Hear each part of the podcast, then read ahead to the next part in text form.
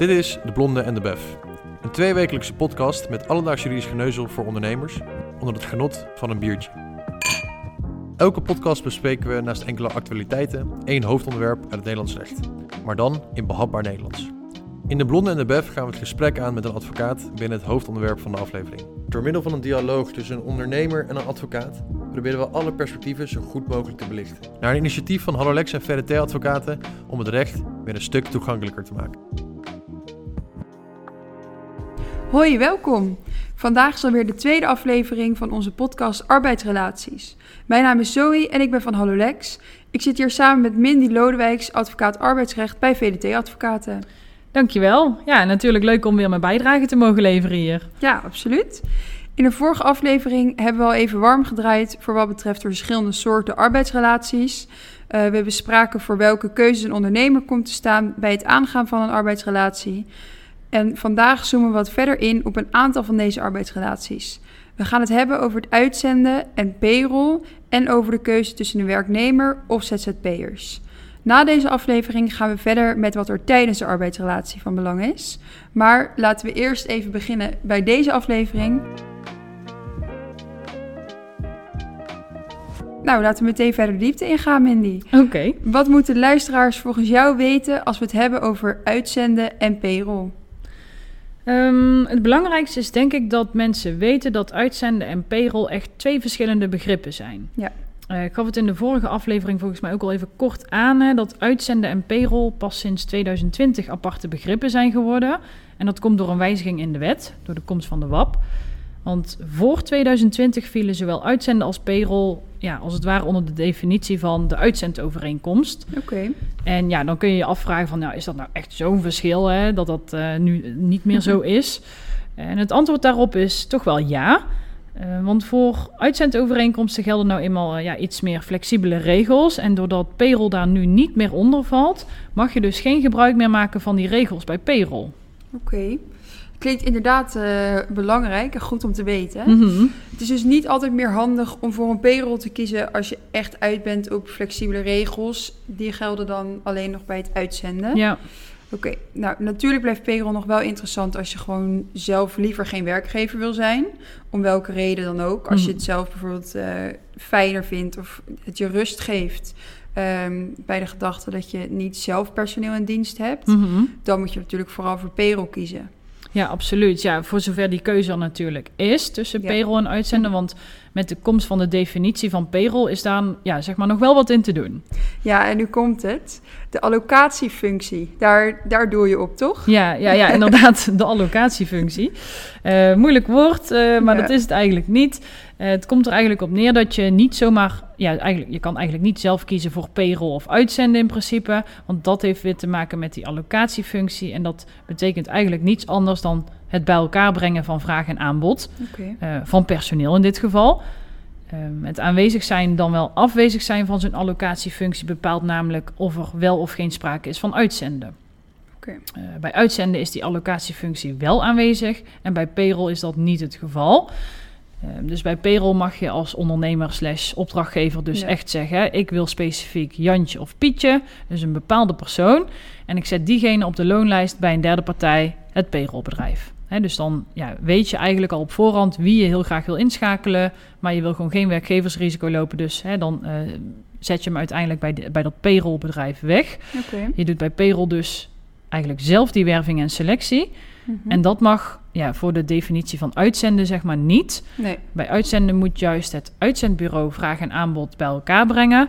En mag je je als opdrachtgever als het ware ook niet mee bemoeien. Oké.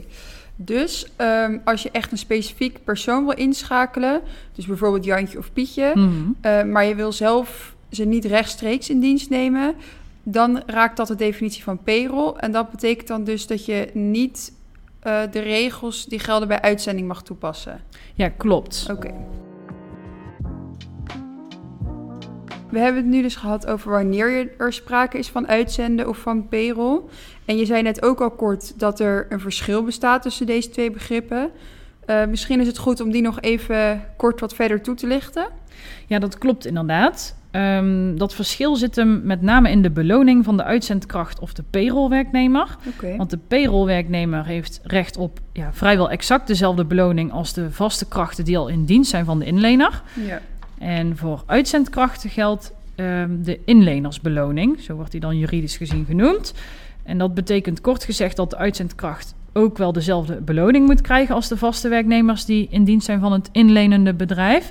Maar dat geldt wel echt alleen maar tot, eh, ja, tot en met bepaalde elementen zeg maar, van de beloning. Ja. Het gaat om zes elementen.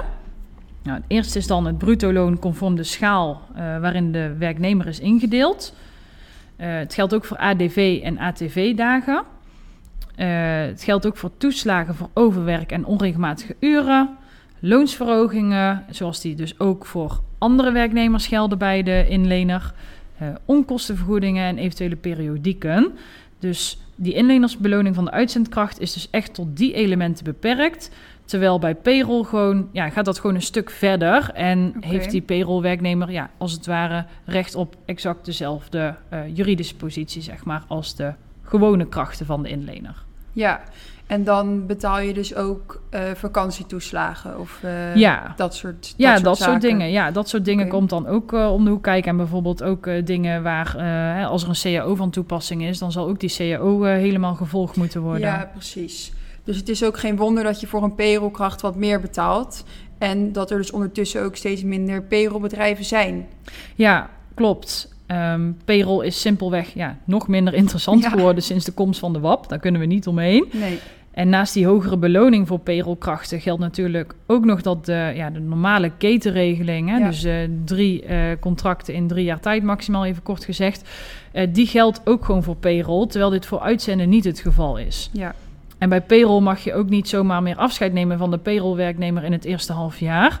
Ehm, dat mag wel bij uitzenden als er een uitzendbeding is. Maar goed, dat mag dus nu niet, want bij payroll mag je dus geen uitzendbeding meer toepassen. Jeetje, oké. Dus er zijn genoeg nadelen eh, bij payroll ondertussen. Mhm. De toekomst zal leren of payroll op de duur echt volledig zal verdwijnen.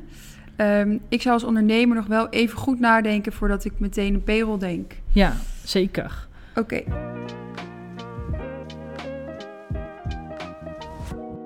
Ik denk dat we nu de verschillen tussen payroll en uitzenden wel helder hebben. Eh, er is nog één arbeidsrelatie die wel wat aandacht verdient, dacht ik. Eh, ik heb het dan natuurlijk over werken met ZZP'ers. Want de afgelopen jaren zijn die online platforms helemaal upcoming. En aangezien de wet niet bepaald bij de tijd is op dat gebied, is het ook niet gek dat hierover veel geprocedeerd wordt. Mhm. Een van die rechtszaken speelde Deliveroo de hoofdrol en deze zaak haalde zelfs het nieuws. Kun jij eens wat meer vertellen hierover? Wat is er geoordeeld in die Deliveroo-zaak en waarom is dat zo spraakmakend? Eh, Ja, zeker. Eh, in de Deliveroo-zaak is kort gezegd geoordeeld dat er sprake is van een ja, schijnconstructie. De bezorgers van Deliveroo zijn namelijk werkzaam als ZZP'ers, maar ze zouden eigenlijk werknemers moeten zijn volgens de rechter. Het gevolg daarvan is dat Deliveroo-bezorgers aanspraak kunnen maken op de beschermende werking van het arbeidsrecht, bijvoorbeeld recht op loon bij ziekte en ook het volgen van een CAO, et cetera. Ja, dat is best wel een heftige uitspraak voor Deliveroo. Ja, en ik kan me ook best wel voorstellen dat niet alleen gevolgen heeft voor Deliveroo, maar ook dat andere platformondernemers zijn die hierdoor vragen hebben gekregen. Want ja, welke lessen kun je nou als platformondernemer uit deze uitspraak halen? En laten we eens kijken naar de overweging die de rechter maakte in deze zaak. Ja, goed plan. Ik denk dat het allereerst belangrijk is dat je niet alle platformen over één kam kunt scheren. Nee, dat is ook zo. Want ieder platform heeft natuurlijk mogelijk zijn eigen werkwijze. Mhm. En wat je uit de zaak van Deliveroo ook wel echt zag, is dat er echt naar specifieke feiten en omstandigheden van dat geval wordt gekeken, toch? Ja, absoluut. Ehm, de beoordeling of sprake is van een arbeidsovereenkomst gebeurt wel voor iedere zaak, als Ja. het goed is tenminste, aan de hand van hetzelfde juridisch kader. Maar de invulling daarvan, van dat juridisch kader, is wel echt afhankelijk van de feiten en omstandigheden ja, per geval. Ja, precies. Oké, laten we even starten bij, bij dat juridisch kader wat je noemt. Mhm. Eh, daarna gaan we wel even kijken hoe dat bij Deliveroo is ingevuld. Ehm, en het juridisch kader om te beoordelen of er sprake is van een arbeidsrelatie, komt kort gezegd neer op de volgende elementen. Er moet sprake zijn van loon en een persoonlijke arbeid die gedurende een zekere tijd wordt verricht. En er moet een gezagsverhouding zijn. Als aan deze elementen wordt voldaan, dan heb je een arbeidsovereenkomst te pakken. Ja, dat klopt. En ja, het meest spannende element is dan ja, de uh, gezagsverhouding. Ja. En wordt dan echt gekeken naar hè, de werkwijze van de opdrachtgever of werkgever richting de opdrachtnemer slash werknemer.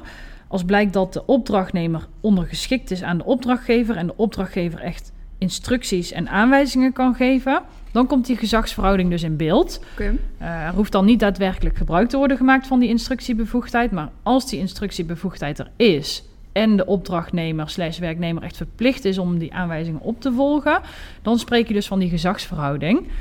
En ja, dat is echt afhankelijk van, jawel, de omstandigheden van het geval. Ja. Dat is natuurlijk iets waar wij als juristen en advocaten uh, heel goed raad mee weten. Ja, dat, uh, dat hopen we dan. Oké, okay, dus als je dan even kijkt naar die overwegingen van de uh, Deliveroo-zaak, dan kunnen we hier wel mogelijke do's en don'ts uithalen voor platformondernemers. Mm -hmm. Um, startpunt daarbij is denk ik dat we niet meer echt naar de partijbedoeling hoeven te kijken om te beoordelen of er wel of geen sprake is van arbeidsovereenkomst. Mm -hmm. Het is nu echt heel belangrijk om te kijken wat er feitelijk wordt gedaan door de partijen. Met andere woorden, de overeenkomst op papier kan nog zo goed een overeenkomst van opdracht zijn, maar dat zegt in feite niet altijd uh, iets, toch? Ja, klopt. Uh, we zien vaak dat partijen een model opdrachtovereenkomst van de Belastingdienst gebruiken als basis voor een samenwerking. En die staan dan gewoon op de website van de Belastingdienst. En in die modellen zie je ook heel mooi staan. Hè? Partijen hebben absoluut niet de bedoeling om een arbeidsovereenkomst aan te gaan. Dat staat dan heel mooi in die overwegingen. Mhm. Maar dat zegt dus eigenlijk helemaal niets. Want het gaat echt om de feitelijke samenwerking. Hè? Wat doen partijen nu daadwerkelijk? En nou ja, zijn die modellen dan helemaal niet meer bruikbaar? Uh, dat zou ik nou ook weer niet zeggen. Ze zijn zeker handig.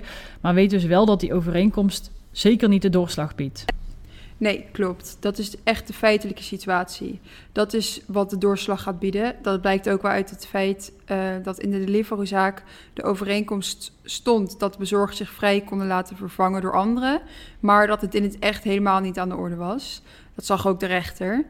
Um, je zou met die mogelijkheid tot vrije vervanging denken dat er daardoor dus geen sprake is van persoonlijke arbeid. En dat er daardoor niet wordt voldaan aan de elementen om te spreken van een arbeidsovereenkomst.